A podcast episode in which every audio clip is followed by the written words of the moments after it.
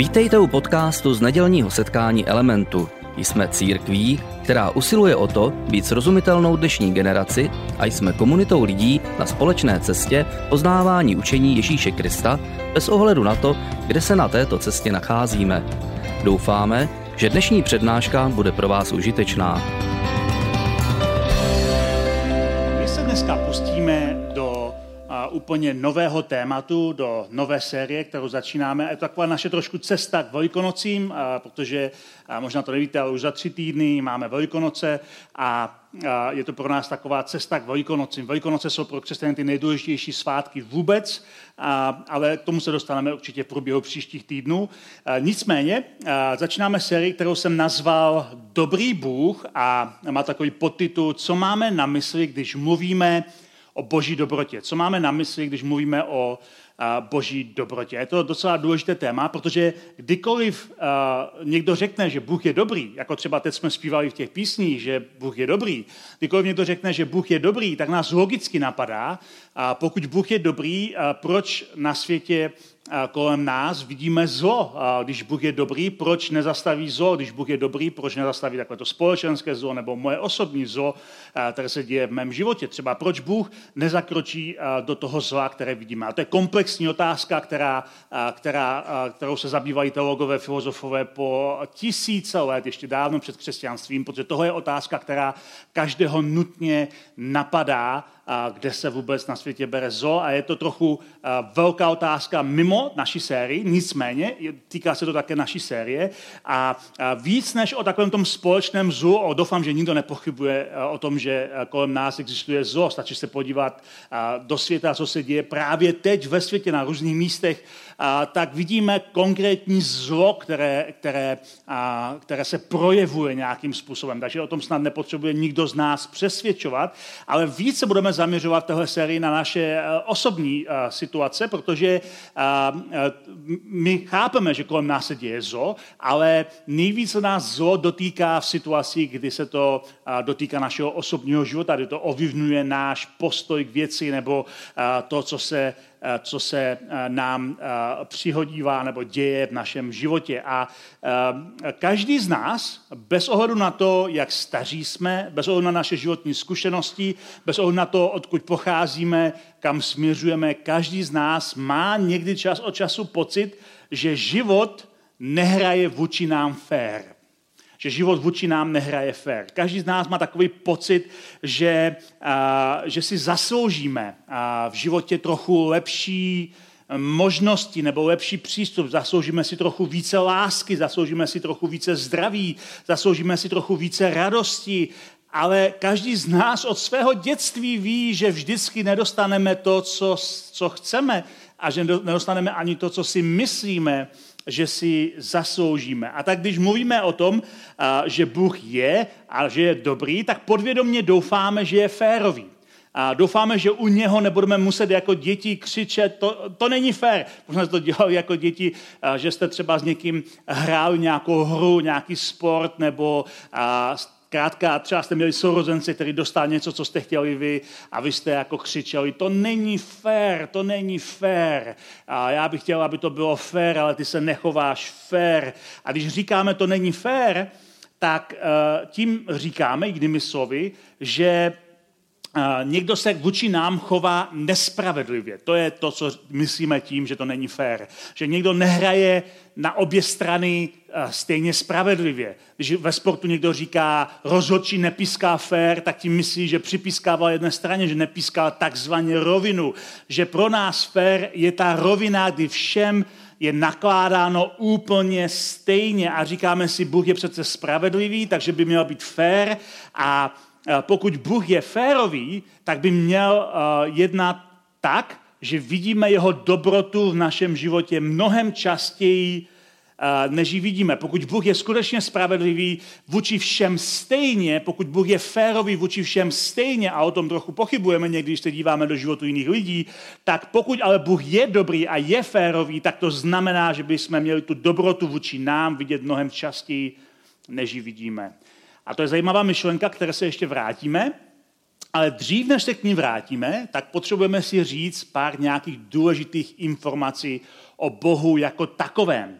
A o tom, jak křesťané vnímají Boha. A protože to je hrozně důležitá věc, abychom se vůbec mohli odpíchnout ohledně boží dobroty a férovosti a všech těchto věcí, o kterých budeme dneska mluvit. A důležitá věc, kterou potřebuji říct na začátku, je, že křesťané vždycky ve své historii věřili, že Ježíš je dokonalým obrazem Boha. Že když se podíváme na Ježíše, vidíme, jaký Bůh doopravdy je.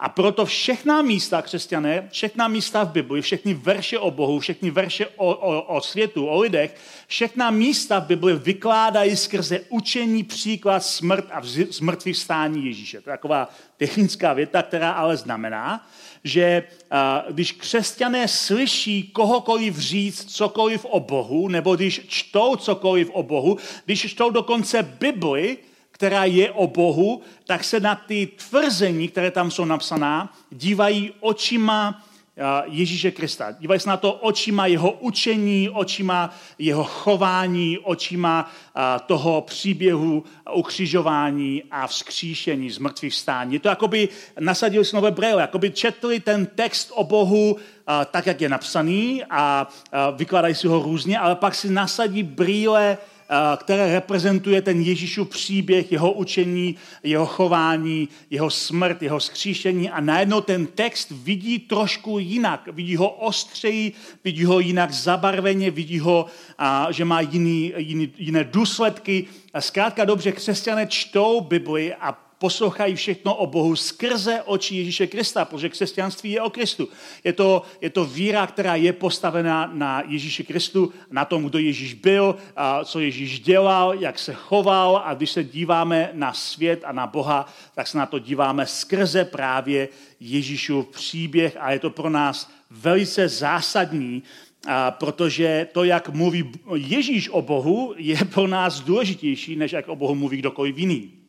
Takže třeba v těch evangelích, které jsou na začátku té křesťanské části Bible, pokud jste drželi Bibli v ruce, víte, že má dvě části, to, čemu říkáme starý a nový zákon. Ten starý zákon je židovský příběh, ten nový zákon křesťanský příběh, ty dva příběhy se překrývají, navazují na sebe, protože má, proto je máme oba dva. A na začátku té křesťanské části Bible máme čtyři evangelia, příběhy o Kristu, kde různí autoři popisují ty příběhy ze svého pohledu, co zažili, co slyšeli, jak to působilo. A v jednom z tom příběhu, za Ježíšem přichází uh, nějaký uh, bohatý mladík a ptá se ho na takovou otázku uh, ohledně věčného života. A uh, když, když se ho ptá na tu otázku ohledně, ohledně věčného života, tak ho osloví, Ježíše osloví strašně zajímavě a mě to fascinuje ten způsob, jak ho osloví, protože to oslovení jakoby implikuje nebo uh, jakoby si tím připravuje určitou půdu pro odpověď. Takže on, když potká Ježíše, tak mu říká, dobrý mistře, co mám udělat pro to, abych se stal dědicem věčného života? Dobrý mistře, co mám udělat, abych, abych měl věčný život? Co mám udělat? Ale to oslovení Ježíše bylo dobrý mistře. A na Ježíše to úplně moc velký dojem, jak uvidíme pak z jeho odpovědí, neudělalo to, že ho oslovuje dobrý mistře. Jakoby eh, tím oslovením ten mladý muž zároveň eh, si připravoval tu odpověď, jakoby šil tu odpověď, jakoby vytvářel očekávání, očekávání, jak ta odpověď má znít. A mimochodem tohle funguje dodnes v jakýkoliv mezilidských vztazích. Zkuste třeba si představit, že za vámi přijde vaše vlastní dítě ze školy a velice milé se na vás usměje a řekne, dobrý tatínku, odpustíš mi poznámku ze školy. A to dobrý tatínku, vy už neslyšíte nic o poznámce, že jo? Tak dobrý tatínku, vás takhle děti nikdy neoslovují, že jo? Do té doby jste pro ně úplně něco jiného, tady nebudu říkat co, ale najednou jste dobrý tatínek a op, o, úplně se změní scenérie vaší odpovědi. Nebo e, manželka přijde za svým mužem a řekne, můj milý, nejmilovanější muži, udělal bys něco pro mě? A muž e, e, může tam dosadit cokoliv. Můj nejsilnější chlapáku.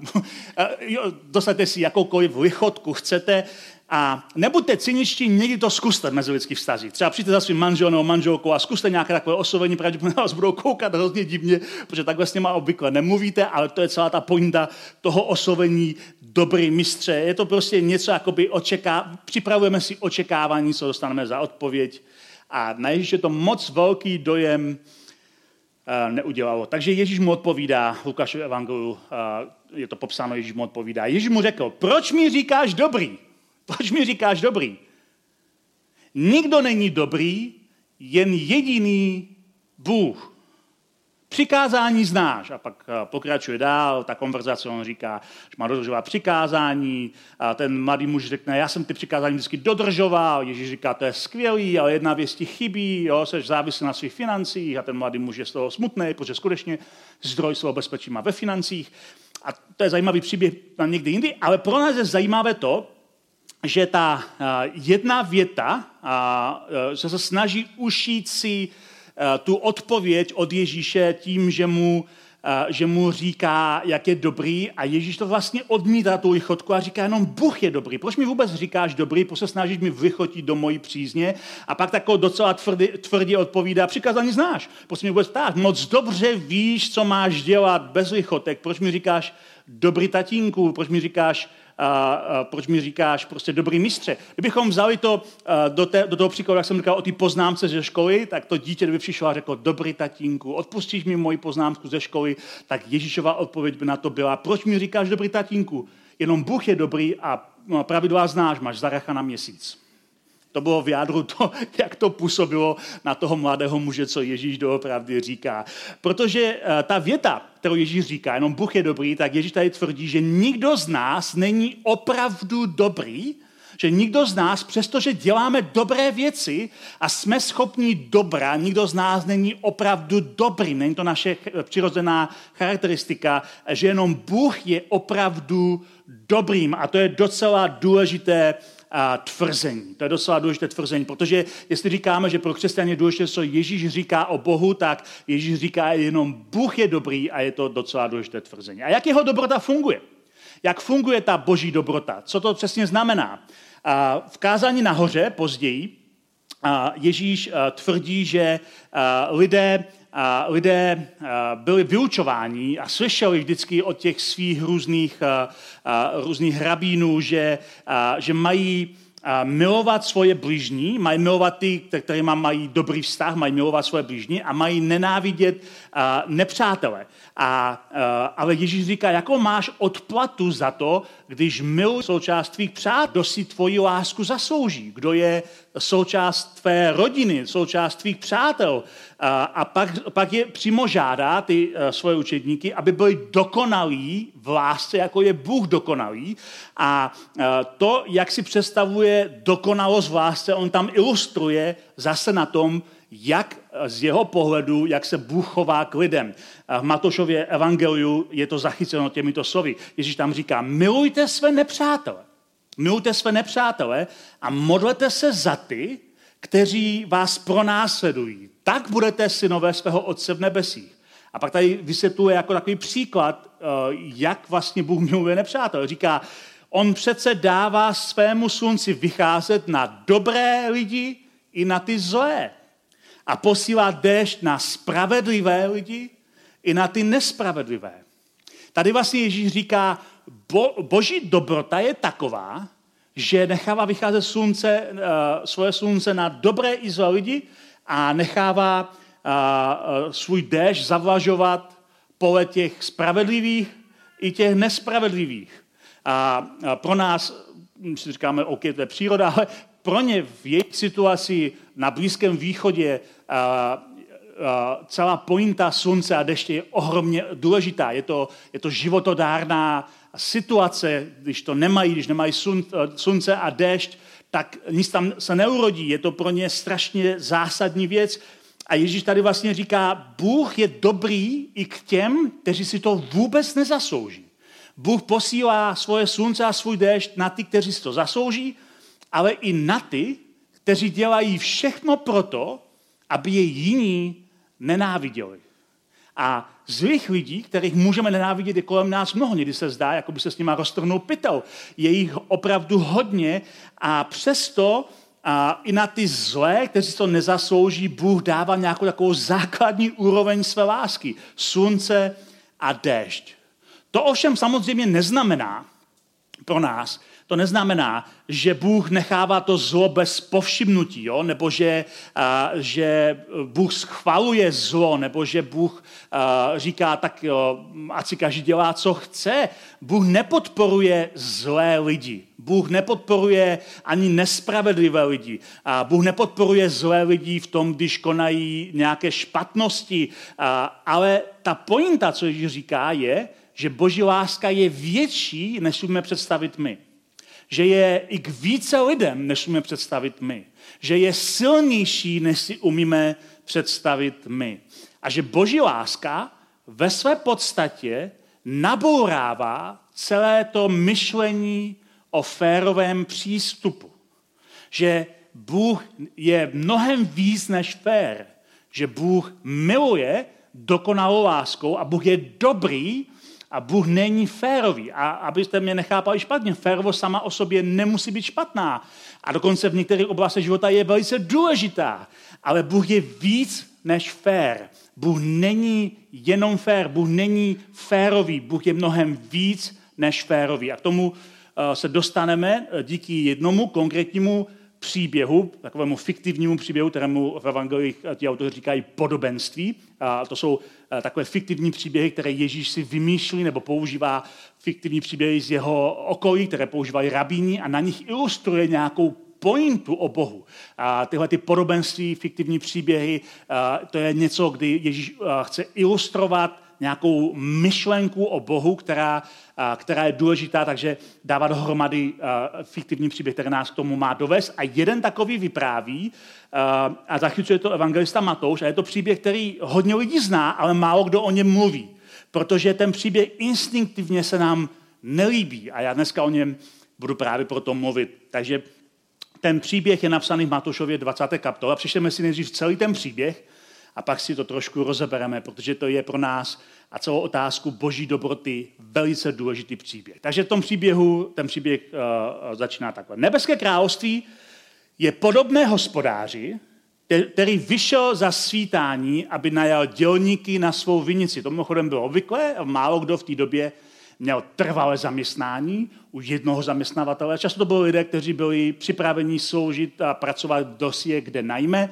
Takže vždycky ráno šla skupina prostě těch lidí, kteří, takových těch dělníků někam na jedno místo a do dneška to v některých zemích tak funguje. Přijel tam prostě nějaký hospodář a řekl, dneska potřebuji dělat na své vinici tyhle, tuhle práci, uh, beru si tebe, tebe, tebe, tebe, tebe jo, a odvezu si je prostě na vinici. Takhle to prostě fungovalo, taková nájemní práce na jeden den a s nimi si vždycky ten člověk domluvil na ten jeden den, dali na konci dne výplatu, druhý den si je mohl najmout někdo jiný. Takhle prostě fungovala ekonomika té doby hospodářství, že to je běžný příklad. Takže uh, Ježíš říká, je to ten nebeský království jako hospodář, který vyšel za svítání, aby najal dělníky na svou vinici. Našel nějaké dělníky, domluvil se s dělníky na denáru za den, to byla její mzda, denáru za den a poslal je pracovat na svou vinici.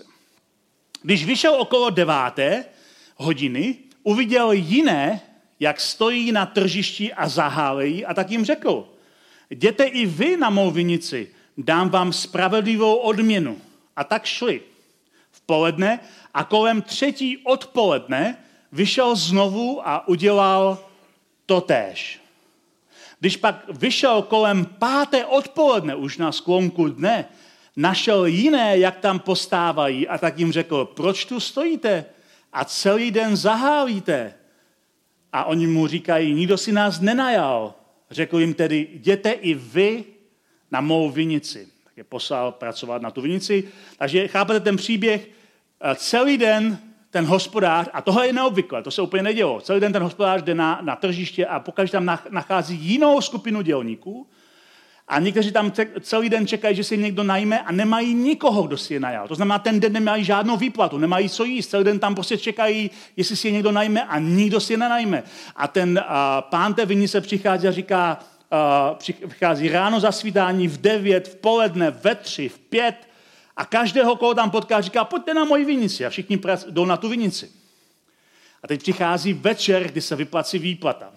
Večer řekl pán vinice svému správci, zavolej dělníky a vyplatí mzdu, počínaje od posledních až po první.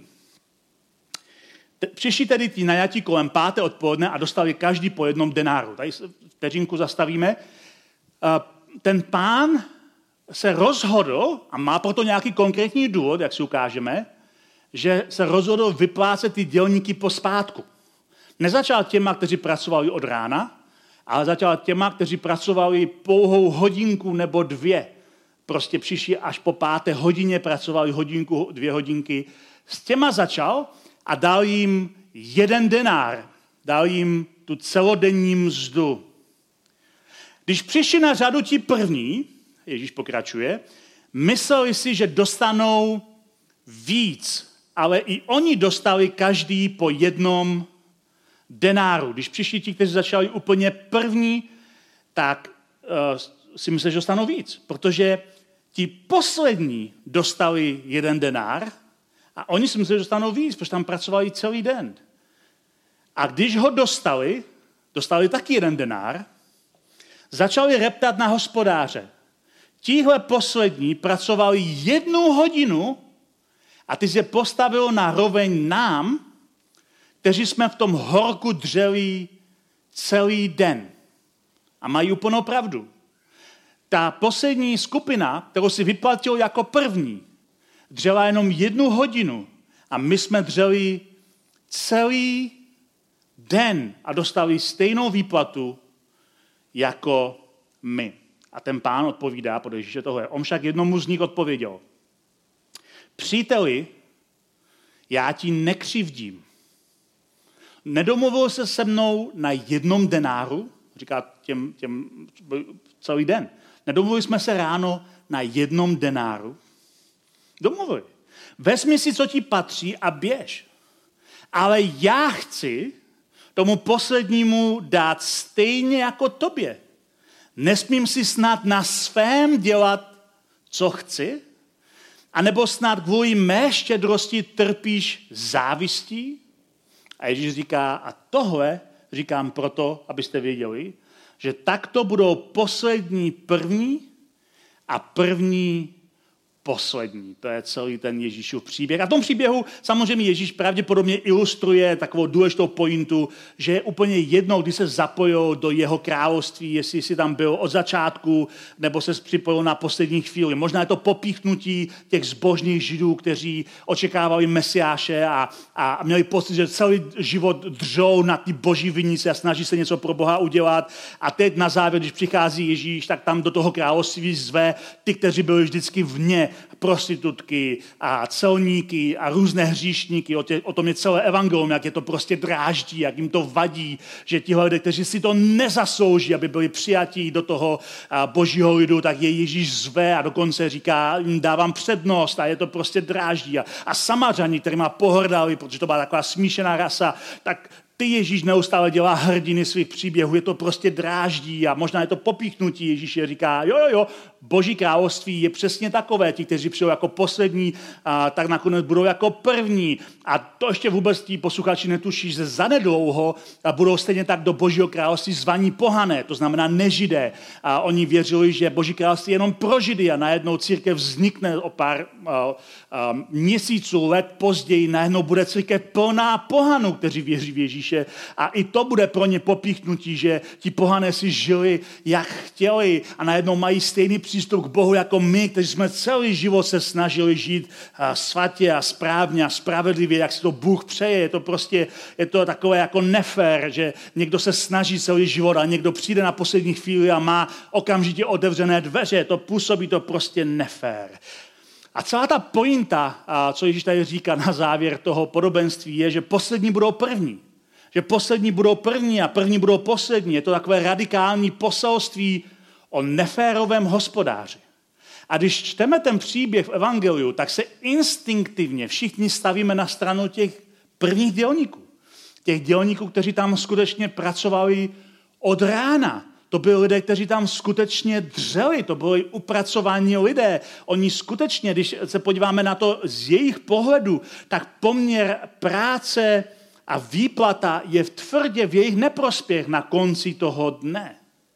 Ale vemte se to z pozice toho hospodáře. Ten hospodář vlastní tu vinici, vlastní to pole, vlastní to hospodářství a domluvil se s těma dělníkama na konkrétní mzdu. Ráno jim řekl, dám vám denár za celý den práce. A všichni řekli, bereme to. To byla oběžná mzda, bereme to díky, díky že jsi z nás najal. Byli dokonce vděční, že si je najal, protože měli práci na celý den. A byl jim slíbený denár, dostali denár. Takže ten, ten, ten vlastník toho, té vinice, ten, ten vinář je nějak neokradl. Neubral jim něco, co jim patřilo. On, on, on jim nesebral něco, co bylo jejich, on je řádně vyplatil podle smlouvy, kterou s nima uzavřel ten den ráno. Tak odkud v nich pramení ten pocit neférovosti, toho, že život není fér, že hospodář není fér, ten, ten pocit pramení zkrátka jednoduše z toho, že se srovnávají s těma dalšíma. Že se srovnávají s těma dalšíma. Oni byli spokojení za svoji dohodnutou mzdu, kterou měli slíbenou od rána. Byli s tím naprosto spokojení. A byli by s tím spokojení i na konci dne. Kdyby ovšem nevěděli, že ti, kteří dorazili jako úplně poslední, dostali stejnou výplatu jako oni. Jejich spokojenost nad tím, že byli najatí ten den, a že dostali dobrou odměnu, jeden denár ten den. Jejich odměna se rozplynula, jejich spokojenost se rozplynula jako pára nad hrncem při pohledu na výplatnici těch druhých. Takže si podle nich to nezasloužili. Protože srovnávání vždycky může být velice hloupé a kruté, protože se srovnáváme, nikdo nikdy nevyhraje. Vždycky budou lidé kolem nás, kteří vypadají, že si něco nezaslouží a mají víc než my více štěstí, více rodiny, více zdraví, více peněz. Vždycky budou lidé, kteří mají víc než ty. A vždycky budou lidé, kteří mají méně než ty. Vždycky budou kolem tebe lidé všude možně, ale ty se neporovnáváš většinou s těma, kteří mají mín, se porovnáváš s těma, kteří mají víc, kteří mají nějakou neférovou výhodu, kteří zkrátka dostávají něco navíc. A všimněte si, co ten hospodář řekl tomu eh, dělníkovi z té první skupiny. Eh, my jsme se dohodli na denáru a denár si dostal a pak dodává ty silná slova, jste si všimli v tom příběhu. Říká, já chci dát tomu poslednímu stejně jako tobě. Nesmím si snad na svém dělat, co chci, to je jeho hlavní pointa. Říká, já chci, to je prostě moje vůle, já chci dát tomu poslednímu úplně stejné peníze, jako dávám tobě. A je to moje, můžu si s tím dělat, co chci. Jinými slovy, ten, ten hospodář říká, příteli, ta vinice mi patří, patří mi uh, i to pole, patří mi hospodářství, platí, patří mi i ty peníze, které vyplácím, patří mi to všechno a já můžu přece, já můžu přece dát každému to, co chci. A je to snad moje věc, co si dělám s tím, co mám. Je to snad moje věc. A pak dodává takovou ránu na solár tomu člověku, jo? pomyslnou ránu na solár. Říká, anebo snad kvůli mé štědrosti trpíš závistí? A nebo snad kvůli mé štědrosti trpíš závistí? A co my? Trpíme, protože Bůh je vůči někomu štědrý? Trpíme závistí, protože někdo je vůči někomu štědrý? Posledních dnech jste určitě zaregistrovali, pokud jste jenom trošku na, na zprávách nebo sociálních sítích, jak mnoho Čechů uh, začalo uh, závidět uh, Ukrajincům prchajícím před válkou uh, nějaké výhody, uh, jakože třeba můžou jít do zoo za korunu. A asi ty zvířata vykoukají všechny. Uh, nebo že mají MHD zadarmo. Začali vyčítat takové věci. Samozřejmě vím, že nikdo takový tady mezi námi není, protože element lidí jsou velice štědří lidé a určitě tady žádné takové závistívce nemáme a za to jsem velice vděčný, že nikdo takový tady není. Ale kdyby náhodou někdo dneska zavítal, kdo s tím má problém, tak Ježíš říká, co pak trpíš závisti kvůli kvůli tomu, že někdo je vůči někomu štědrý. Všimněte si toho, není to ta závist samotná, ale je to skutečná nemoc duše. Když závidíš, užíráš sám sebe. Ubližuješ sám sobě.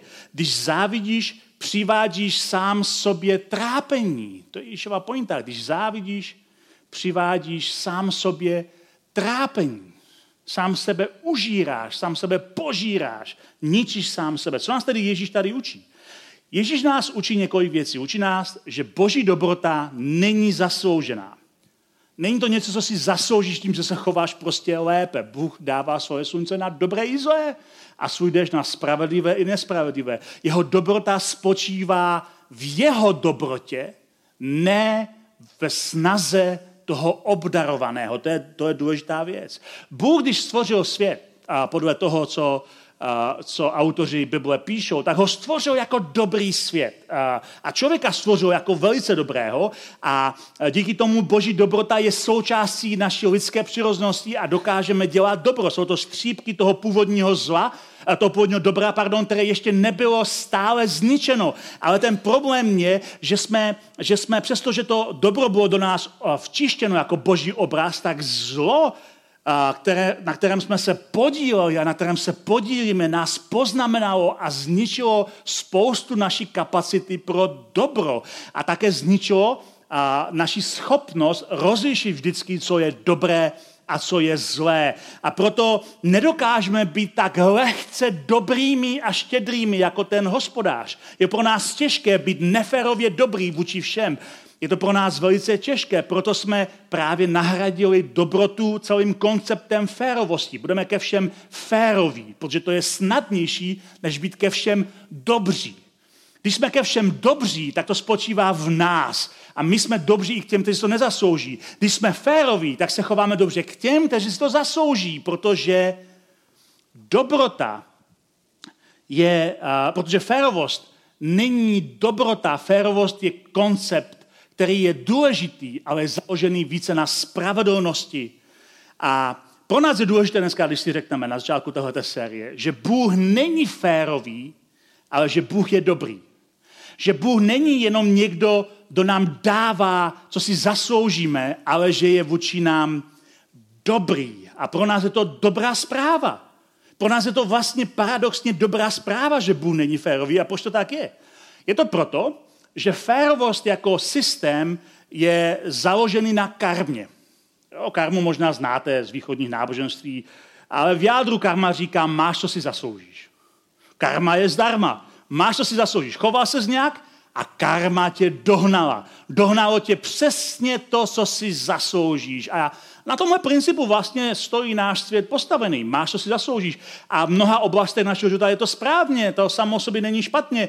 Je dobře, že funguje v různých oblastech v našeho života příčina a důsledek, že tě dožene to, pro co se rozhodl. Je to naprosto správně a zdá se nám, že celý svět je řízený tímhle principem, ale je důležité si uvědomit, že Bůh není řízený tímhle principem že boží princip není karma, že máš, co si zasloužíš, ale že boží princip je milost, která v jádru říká přesný opak. Nemáš, co si zasloužíš a máš, co si nezasloužíš. To je to, co vlastně teologové nazývají teologie milosti. Proč je to pro nás dobrá zpráva? Protože kdybychom dostali to, co si zasloužíme, nedostali bychom vlastně vůbec nic dobrého. Protože pokud si nelžeme sami sobě, jakože někdy lidé lžou sami sobě, ale pokud nelžeme sami sobě, pokud jsme sami k sobě upřímní, tak víme, že v mnoha oblastech našeho života nedosahujeme požadovaného standardu. V tom, co někdo jiný dal jako standard, ale ani to, co my sami jsme si dali jako standard. Selháváme ve vlastních standardech, na tož se standardech Boha nebo někoho jiného. My všichni víme, že jsou určité mezery, které nám chybí k dosahování vlastního standardu. A kdybychom měli dostat jenom to, co si zasloužíme, kdybychom byli k sobě úplně upřímní, tak bychom museli říct, že si nezasloužíme nic moc dobrého. Andy Stanley napsal o tom celou knížku, my tady rozdáváme hostům, pokud jste ji nikdy nedostali, tak se stavte u informačního stolu a dáme vám. Jmenuje se to, jak dobrý je dost dobrý. A on tam rozebírá celou tohle tu otázku a říká, že pokud mluvíme o tom, že jsem dobrý a zasloužím si boží přízeň, tak kdo určil tu hranici dobrého? Kolik, co je jako ideál dobroty a kolik ti stačí procent, abys byl doopravdy dobrý? A jestli se do nebe dostaneš, protože jsi dobrý člověk, kdo určil ty hranice té dobroty? A navíc naše standardy dobroty se mění. Pro průběhu toho, jak, jak stárneme a zrajeme a mění se naše hodnoty a naše principy, mění se i naše, a, naše a, definice toho, co je dobré a co je zlé. Neustále se to prostě mění. Naše přesvědčení o tom, co je dobré a zlé, se mění v průběhu času. Konec konců na tom jsou založená různá náboženství, že vytváří systémy, co je dobré a co je zlé. A to je rozdíl od křesťanské víry. Křesťanská víra může také vytvářet systémy, jako každý náboženství to dokáže. Ale křesťanství podle Ježíše je postaveno na předpokladu, že Bůh odložil svoji férovost a místo toho si vybrá milost. Že Bůh odložil férovost, to, že se k nám chová tak, jak si zasloužíme, a místo toho se rozhodl vybrat si milost. Rozhodl si, že bude vůči nám štědrý. Férovost není špatná věst. Mnoha oblastech života ji potřebujeme, ale Bůh se rozhodl, že k nám bude víc než férový. Že k nám bude dobrý že tam bude štědrý a že nám dává svoji milost, i když si to nezasloužíme. I když jsme neprojevili ukázkovou snahu. Protože Bůh je skutečně neskonale dobrý. V božím království ta hlavní hodnota není férovost. Máš, co si zasloužíš. Karma je zdarma. Karma tě dožene. V božím království není spravedlnost největší hodnota. V božím království je největší hodnota odpuštění. Milost, která je postavena na tom, že Bůh ti odpouští, co si udělal, že ti dává nový start, že ti nový, nový začátek. Jeho dobrota je silnější, větší a pro nás mnohem lepší, než kdyby byl Bůh fér. A to je začátek naší série o boží dobrotě. Jeho dobrota není ani zneužívaná. Co tím myslím je, že Bůh nezneužívá dobro proto, nezneužívá zlo, aby dosáhl něčeho dobrého. Že jeho dobrota není a, dosažená nějakou výhybkou přes zlo. A to je důležitá věc, o které budeme mluvit ale zase příští týden. Těším se na vás a díky, že jste dneska přišli.